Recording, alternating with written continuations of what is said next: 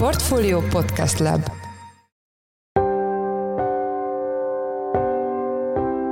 Mindenkit üdvözlünk, sziasztok! Ez a Checklist a Portfolio podcastja július 5-én szerdán. Az adás első részében arról a friss és mondhatjuk, hogy váratlan kormányhatározatról lesz szó, amelyben a kabinet előrevetíti az állami kiadások felülvizsgálatát, és egy új munkacsoportot is létrehoz ennek támogatására. A könnyen megvalósítható kiadás csökkentő, kiadás lefaragó intézkedéseknek a lehetőségei elfogytak, ez a tárház kimerült, és az adóemeléseket sem lehet korlátlan mértékben folytatni. Gondoljunk itt a különadókra, azok áthárítására, annak következményeire, az üzemanyagok jövedéki adójának az emelésére, ezek nyilván a gazdasági növekedésre káros hatással lehetnek. Másik oldalon pedig az egyszeri beruházás, elhalasztás, beruházás, befagyasztás, kiadás lefaragásban rejlő lehetőségek is korlátozottak, egyszerűen azok is elfogytak. Vendégünk Csiki Gergely, a portfólió lapigazgatója, makroelemzője. A második részben arról fogunk beszélgetni, hogy gond van azoknak az uniós forrásoknak az elköltésével, amelyeket Magyarország még meg sem kapott. Itt az uniós helyreállítási alap pénzeiről van szó, amelyekre egyelőre még várunk. Hogy ez mégis hogy lehetséges, arról Szabó Dánielt, a Portfólió uniós ügyekkel foglalkozó elemzőjét kérdezzük. Én Szász Péter vagyok a Portfólió Podcast Lab szerkesztője, ez pedig a checklist július 5-én. Több szempontból is érdekes kormányhatározat jelent meg kedd éjszaka a magyar közlönyben. A kormány a pénzügyminisztérium vezetésével és egy teljesen új munkacsoport felállításával készíti elő az állam kiadásainak, illetve adókedvezményeinek a felülvizsgálatát, hogy ez mit is jelenthet pontosan arról Csiki Gergelyt, a portfólió lapigazgatóját, makroelemzőjét kérdezzük, aki itt van velünk a stúdióban. Szia! Szia, üdvözlöm a hallgatókat! Mit üzen nekünk ez a készülő dokumentum? Ez azt gondolom, hogy még messze van attól, hogy megszorításokról beszéljünk. Így van. Összességében azt üzeni, hogy középtávon a kormány arra készül, hogy a jelenleg magasnak mondható államháztartási kiadási szintet középtávon lecsökkentse. Az elmúlt években a többek között a fiskális alkoholizmusban szenvedő állam túlköltekezett, túlterjeszkedett, és már nem tudja fenntartani azt a fajta kiadási szintet ebben a gazdasági környezetben, ilyen bevételi szintek és bevételi adóbevételi várakozások mellett. Ezért ideje volt annak, hogy áttekintse vagy áttekintésre kerüljön a kiadások szerkezete, kiadások szintje. Más kérdés, hogy miért pont ezekkel a területekkel kezdje a sort, és miért ezek a területek kiadási célok kerülnek az asztalra, és miért nem más célok. Bocsánat, milyen célokról beszélünk konkrétan? Az egészségügy, azon belül a mindenféle betegellátást is érintheti ez a felülvizsgálat, valamint a, a gyógyszerkiadások sorát, ugyanígy a családtámogatások, a lakástámogatások, valamint az SZIO esetében a különböző adókedvezmények, családi adókedvezmény is felülvizsgálatra kerülhet a kormány részéről ennek a tenneknek megfelelően. De akkor nem kell még attól félni, hogy esetleg csökkennek a családtámogatások, csak ez mindenképpen változhat a költségvetési kiadási oldalon. Így van, nagy kérdés, hogy a pénzügyminisztérium által koordinált munkában és az egy újonnan felálló munkacsoport munkájával, ahol egyébként több miniszter és külső szereplő MNB, állami számvőszék, költségvetés tanács szerepet kap, milyen megfogalmazott javaslatok hogyan hasznosulnak, és ezek is legkorábban egyébként 2024-2025-ben hasznosulhatnak, tehát nem lesz azonnali, ha bármilyen döntés lesz ezzel kapcsolatban, hogy bizonyos kiadásokat átalakítanak, lefaragnak, vagy kedvezményeket vonnak meg, vagy szigorítanak, azok sem lesznek azonnal érvénybe lépőek, és az sem biztos egyáltalán, hogy ezek megvalósulnak, ezek csak javaslatok lesznek, egy jelentés formájában kerülnek majd a kormány asztalára a magyar közlönyben megjelent határozaton kívül a kormány közölt bármit is ezzel kapcsolatban? Így van, egy rövid közlemény jelent meg szerdán ezzel kapcsolatban a pénzügyminisztérium részéről, amelyben a tárca azt hangsúlyozza, hogy ezt már a helyreállítási tervben az Európai Bizottság elvárta, és annak érdekében, hogy ezek a helyreállítási források megérkezzenek végre Magyarországra, ebben a dokumentumban vállalt feltételeket a kormánynak teljesítenie kell, és többek között a bizottság elvárta, vagy megállapodott a magyar kormányal abban is erről, hogy a közkiadásokat, az állam kiadási oldalát felülvizsgálja, és ez valósul most meg a gyakorlatban, vagy valósulhat meg a következő időszakban.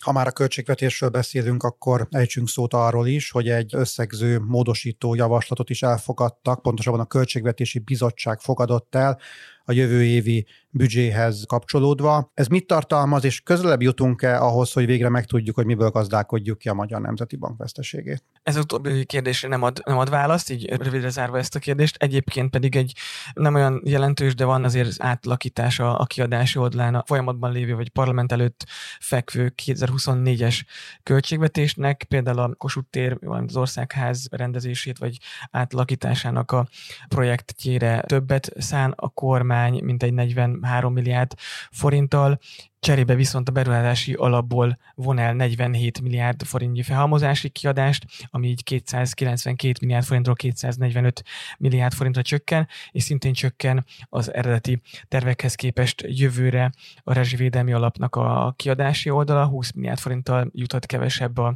különböző költségvetési szerveknek, állami szerveknek a, a rezsi kompenzációjára. Még arra válaszolj kérlek, hogy ez alapján, a módosító alapján, illetve az alapján, amit olvastál erről az új dokumentumról, a kormány saját magán kezdi esetleg a takarékoskodást, vagy inkább más területekről van szó?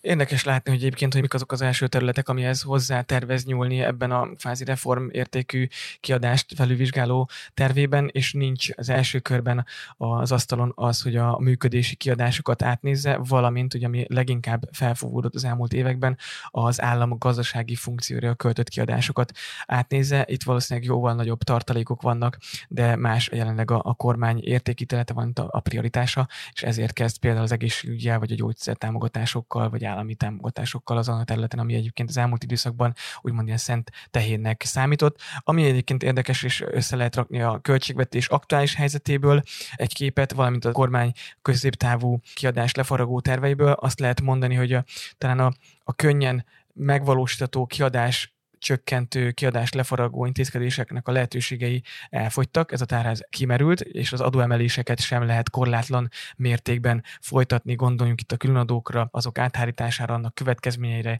az üzemanyagok jövedéki adójának az emelésére, ezek nyilván a gazdasági növekedésre káros hatással lehetnek. Másik oldalon pedig az egyszeri beruházás, elhalasztás, beruházás, befagyasztás, kiadás lefaragásban rejlő lehetőségek is korlátozottak, egyszerűen azok is elfogytak. Ugye tavaly a kormány mint egy 1800 milliárd forint értékben halasztott el és tolt a távolabbi jövőbe beruházásokat. Ennek is van egyébként gazdasági növekedés visszavető hatása, ha csak az építőipar teljesítményre gondolunk, ezek a lehetőségek elfogytak, és most ezek a fűnyíró elvszerű, egyszeri kiadás csökkentő intézkedéseken túli lépésekben gondolkodik a kormány, ami egyébként alapvetően pozitív. Világos, köszönjük az elmúlt percekben. Csiki Gergely, a portfólió lapigazgatója, makroelemzője volt a vendégünk. Köszönjük, hogy a rendelkezésünkre álltál. Köszönöm szépen. A checklist pedig egy rövid szünetet követően folytatódik. A második részben arról a jelentésről fogunk beszélgetni, amely Magyarországot is kritizálja, több más uniós országgal együtt, az EU-s helyreállítási alap pénzeinek elköltésével kapcsolatban.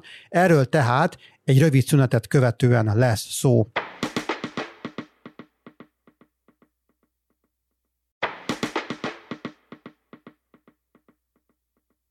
Bár Magyarország még meg sem kapta a forrásokat az uniós helyreállítási alapból, már is gondok akadtak a pénz elköltésének tervezésével, legalábbis egy szervezet szerint. Az előleg fizetést a kormány egyébként a költségvetés terhére már megkezdte, de a projektbe a nyilvánosságot nem igazán vonták be, és más gondok is akadnak. Sovány vigasz, hogy nem csak nálunk, hanem más uniós országokban is azonosítottak problémákat. Itt van velünk a telefonban Szabó Dániel, a Portfólió uniós ügyekkel foglalkozó elemzője. Szia! Szia, és köszöntöm a kedves hallgatókat! Mielőtt Magyarországról és annak speciális helyzetéről beszélnénk, kérlek mondd el, hogy ki és mit vizsgált a helyreállítási alap forrásainak elköltésével kapcsolatban. A nyelvtörőbe is beleillő nevű Citizens Observatory for Green Deal Financing nevezetű összefogás készítette ezt a jelentést, amely Európa szerte több természetvédő, környezetvédelmi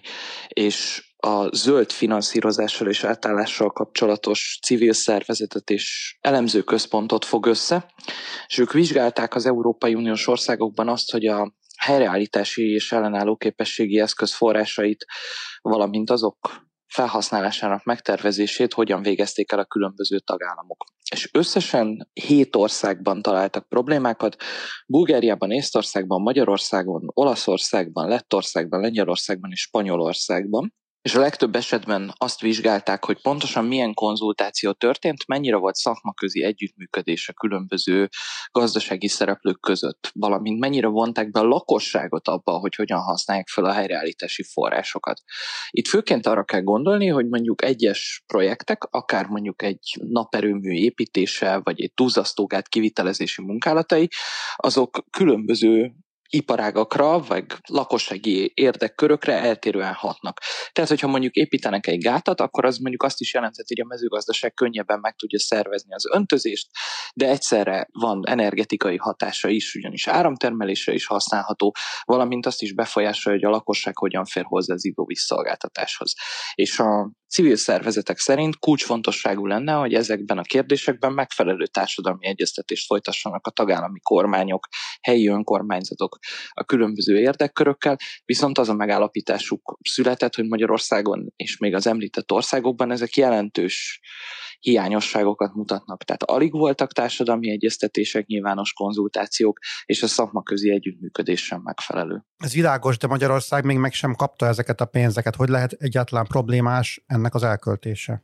A helyreállítási terveket azokat már jóval korábban el kellett készíteni, ezekről minden tagállam kormánya külön tárgyalt az Európai Bizottsággal, és ez egy általános probléma volt már akkor, amikor 2020-ban kitalálták, hogy elindítják ezt a helyreállítási és ellenálló képességi programot, hogy ne csak a kormányok határozzanak meg különböző célokat, hanem ebben minél nagyobb társadalmi spektrumot vonjanak be, tehát közösen egyeztessenek ezekről a kérdésekről, és a legtöbb tagállam hamar részbe kapott, nem csak azért, mert a civil szféra ezt a kérést megfogalmazta, hanem azért is, mert az Európai Bizottság is abban látta a források hatékony felhasználását, hogy minél több szereplővel egyeztetnek a kormányok. Így Magyarországnak is el kellett készíteni a helyreállítási és ellenálló képességi tervét. Egyébként ez lett aztán később a jogállamisági mechanizmusként ismert kondicionalitási eljárás egyik eleme is. Tehát az ebben szereplő szupermérföldkövek azok átkerültek kerültek a helyreállítási tervbe. Ebben egyébként Magyarország számos vállalást tett, hogy milyen reformokat, jogállamisági problémaköröket hogyan kíván orvosolni, és ennek egy része volt az is, hogy társadalmi egyeztetésre bocsátja a legtöbb jogszabályt, valamint ezekről részletes egyeztetés lesz. Sok esetben, amikor ilyen gazdasági beruházásokra van szó, akkor ezekhez nem társul semmilyen jogalkotási folyamat, egyszerűen elkezdenek egy beruházást, maximum a kormány arról dönt, hogy milyen engedélyeztetési eljárást ír elő egy épülő üzem vagy beruházás megvalósításához. Így ezeknél viszonylag ritka az, hogy társadalmi egyeztetés lenne. Mostanában arról szokott lenni a kormány honlapján tájékoztatás, hogyha valamilyen beruházásnál egy kiemelt Na, tehát, hogyha valamilyen beruházást kiemelt nemzetstratégiai célú beruházásra akarnak nyilvánítani, és itt a fő probléma az, hogy ezekhez a pénz elköltése sem kell, tehát a tervezésnél és a különböző döntéseknél, amelyeket akár a helyi önkormányzatok hoznak meg, akár a központi kormányzat, lehetne egyeztetni akár a gazdasági élet szereplőivel, akár a civilekkel. Tudsz esetleg konkrét példát mondani Magyarországról, amivel problémája volt ennek a szervezetnek, konkrét beruházást? A Magyar Természetvédők Szövetségétől egy esettanulmányt ismertettek a jelentésben. Ez egy közép-magyarországi régiót érintő vízgazdálkodási beruházás, amely tulajdonképpen vízvisszatartásról szól, de itt nem vették figyelembe azt, hogy a mezőgazdasági öntözésnek milyen igényei vannak, a lakossági vízellátást ez hogyan befolyásolhatja, milyen kihatása lehet ennek a biodiverzitásra a térségben nem vontak be semmilyen civil szervezetet, aki esetleg a szakmai tudásával segíthette volna a projekt lebonyolítását, és itt az is a probléma a megállapítások szerint, hogy a tervezett beruházás igazából egy célú, ahelyett, hogy egy ilyen holisztikus rendszerben helyezkedne el, tehát, hogy egy pozitív hozadéka lehet, de nem old meg egy térségben akár egyszerre több problémát is, még egy ilyen vízgazdálkodási beruházás nagyon sok kérdéskört érint, és nagyon sokfajta problémát orvosolhatna, hogyha erre megfelelő együttműködési törekvések lennének, akár a kormányzat, akár a helyi hatóságok részéről. Ha jól értem, akkor most az egyeztetés hiánya a fő probléma. Vajon miért vállalja ezt be most a kormány, amikor amúgy sincs egyébként jó viszonyban az Európai Unióval? Itt azért ez egy retrospektívebb jelentés, tehát az egész folyamatot, a 2020 óta tartó egyeztetést és a program csomag kialakítását is vizsgálták. Az elmúlt időszakban azért történtek már előrelépések a kormány részéről, mint említettem, ha nem is feltétlenül a nagy kihatású jogszabályokat, akár adócsomagok módosítását, akár az építési szabályok helyi adhok változtatását nem is emelték be a társadalmi egyeztetés alá vont jogszabályi körbe, de azért egyre több rendeletről és kormányhatározatról folyik társadalmi egyeztetés.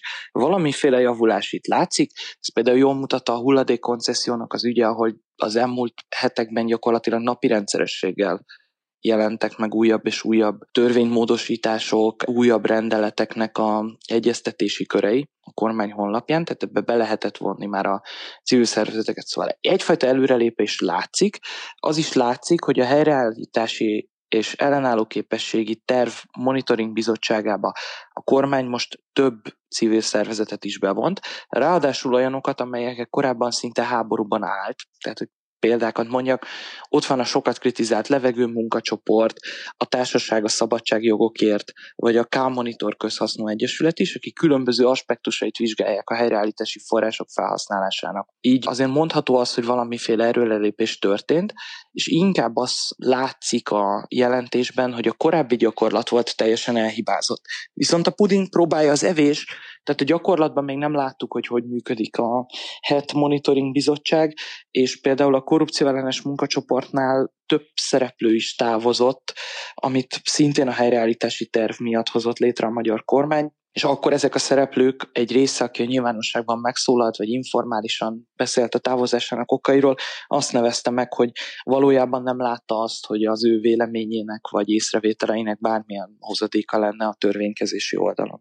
A fő kérdés az az, hogy hátráltatja ez ez a mostani jelentés a jogállamisági megállapodást, és azért is kérdezem ezt most, mert kiszivárgott egy Magyarországra nézve nem túlzottan kedvező jelentés is, amit az Európai Unió a tagországok demokratikus rendszereiről készített. Ezek összefüggnek egymással, és egyébként mit kell tudni erről a kiszivárgott jelentésről, ha már beszélünk? Közvetlen összefüggést nincs közöttük, azonban egy pontban mutatnak, ugyanis, ahogy említetted, Magyarország és az Európai Bizottság, valamint az egész Európai Uniós intézményrendszer között egy erős vita áll fent a különböző források felhasználhatóságáról, a magyar jogállamiság helyzetéről, a korrupciós viszonyokról, a korrupció ellenes fellépésről és az átláthatóságról. A civil szervezetek jelentése az igazából abból a szempontból érdekes, hogy ezeket az európai parlamenti képviselők gyakran használják fel, valamint lobby szervezeteknek is hivatkozási alapot jelent. Továbbá az állandó kapacitás hiánya a rendelkező uniós elemzői kör és gyakran olvassa ezeket, és használja föl aztán az Európai Unió által felhasznált és készülő jelentésekbe.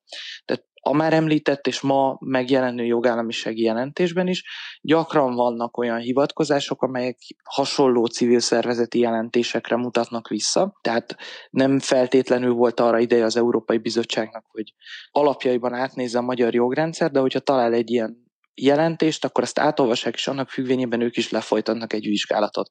Tehát ilyen eredménye mindenképpen lehet, hogy a most megjelent a társadalmi egyeztetést, vagyis annak hiányát felrovó jelentést az Európai Bizottság is a jövőben felhasználja. A ma megjelenő jogállamisági jelentésnek a tartalma most már nagyjából ismert, különösebben váratlan elemek nincsenek benne, tehát ez felrója azokat az ismert problémákat, amelyeket már az Európai Bizottság az ország specifikus ajánlatokban is ismertetett, így például azt, hogy a rendkívüli jogrendre való hivatkozással a kormány gyakorlatilag teljesen átírt piaci szabályokat, új adókat vet ki, társadalmi egyeztetés nélkül, ahogy szóvá teszik azt is, hogy a korrupció ellenes fellépés, az igazságszolgáltatás függetlensége, az még mindig hiányos Magyarországon. És miután zajlik a vita a 7 éves költségvetés forrásairól a horizontális feljogosító tételek esetében, valamint a helyreállítási alap és a szintén a 7 éves költségvetés esetében a jogállamisági eljárás is tart még. Egy ilyen jelentés, akár a jogállamisági jelentésről beszélünk, akár a civil szervezetek által felrótt kritikákról, mindnek lehet egyfajta hatása arra az attitűdre, ahogyan az Európai Bizottság tárgyal Magyarországgal. Sokszor látszott az, hogy egyre nagyobb figyelmet adnak a civil szféra felől érkező kritikáknak a Magyarországgal való egyeztetések során, tehát így például az igazságügyi reformtervezetnek az első változatát, azt az Európai Bizottság részben pont magyar civil szervezetek által megfogalmazott kritikák miatt is dobta vissza és iratta át még egyszer az igazságügyi kabinettel. Világos, köszönjük szépen. Az elmúlt percekben Szabó Dániel, lapunk uniós ügyekkel foglalkozó elemzője volt a vendégünk. Köszönjük, hogy mindezt elmondtad nekünk. Köszönöm a lehetőséget, sziasztok!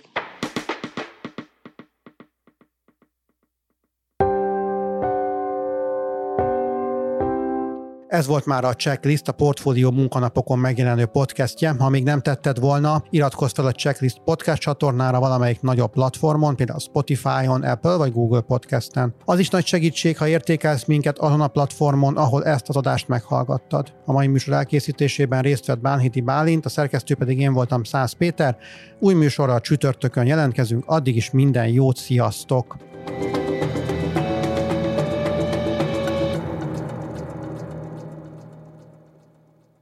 Reklám következik.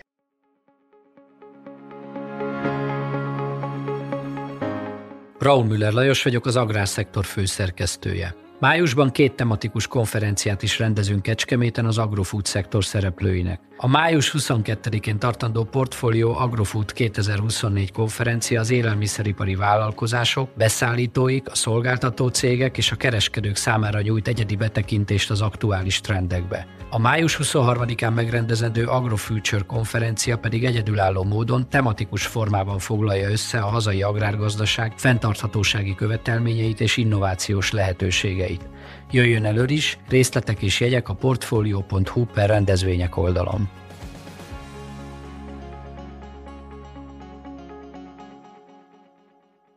Reklámot hallottak.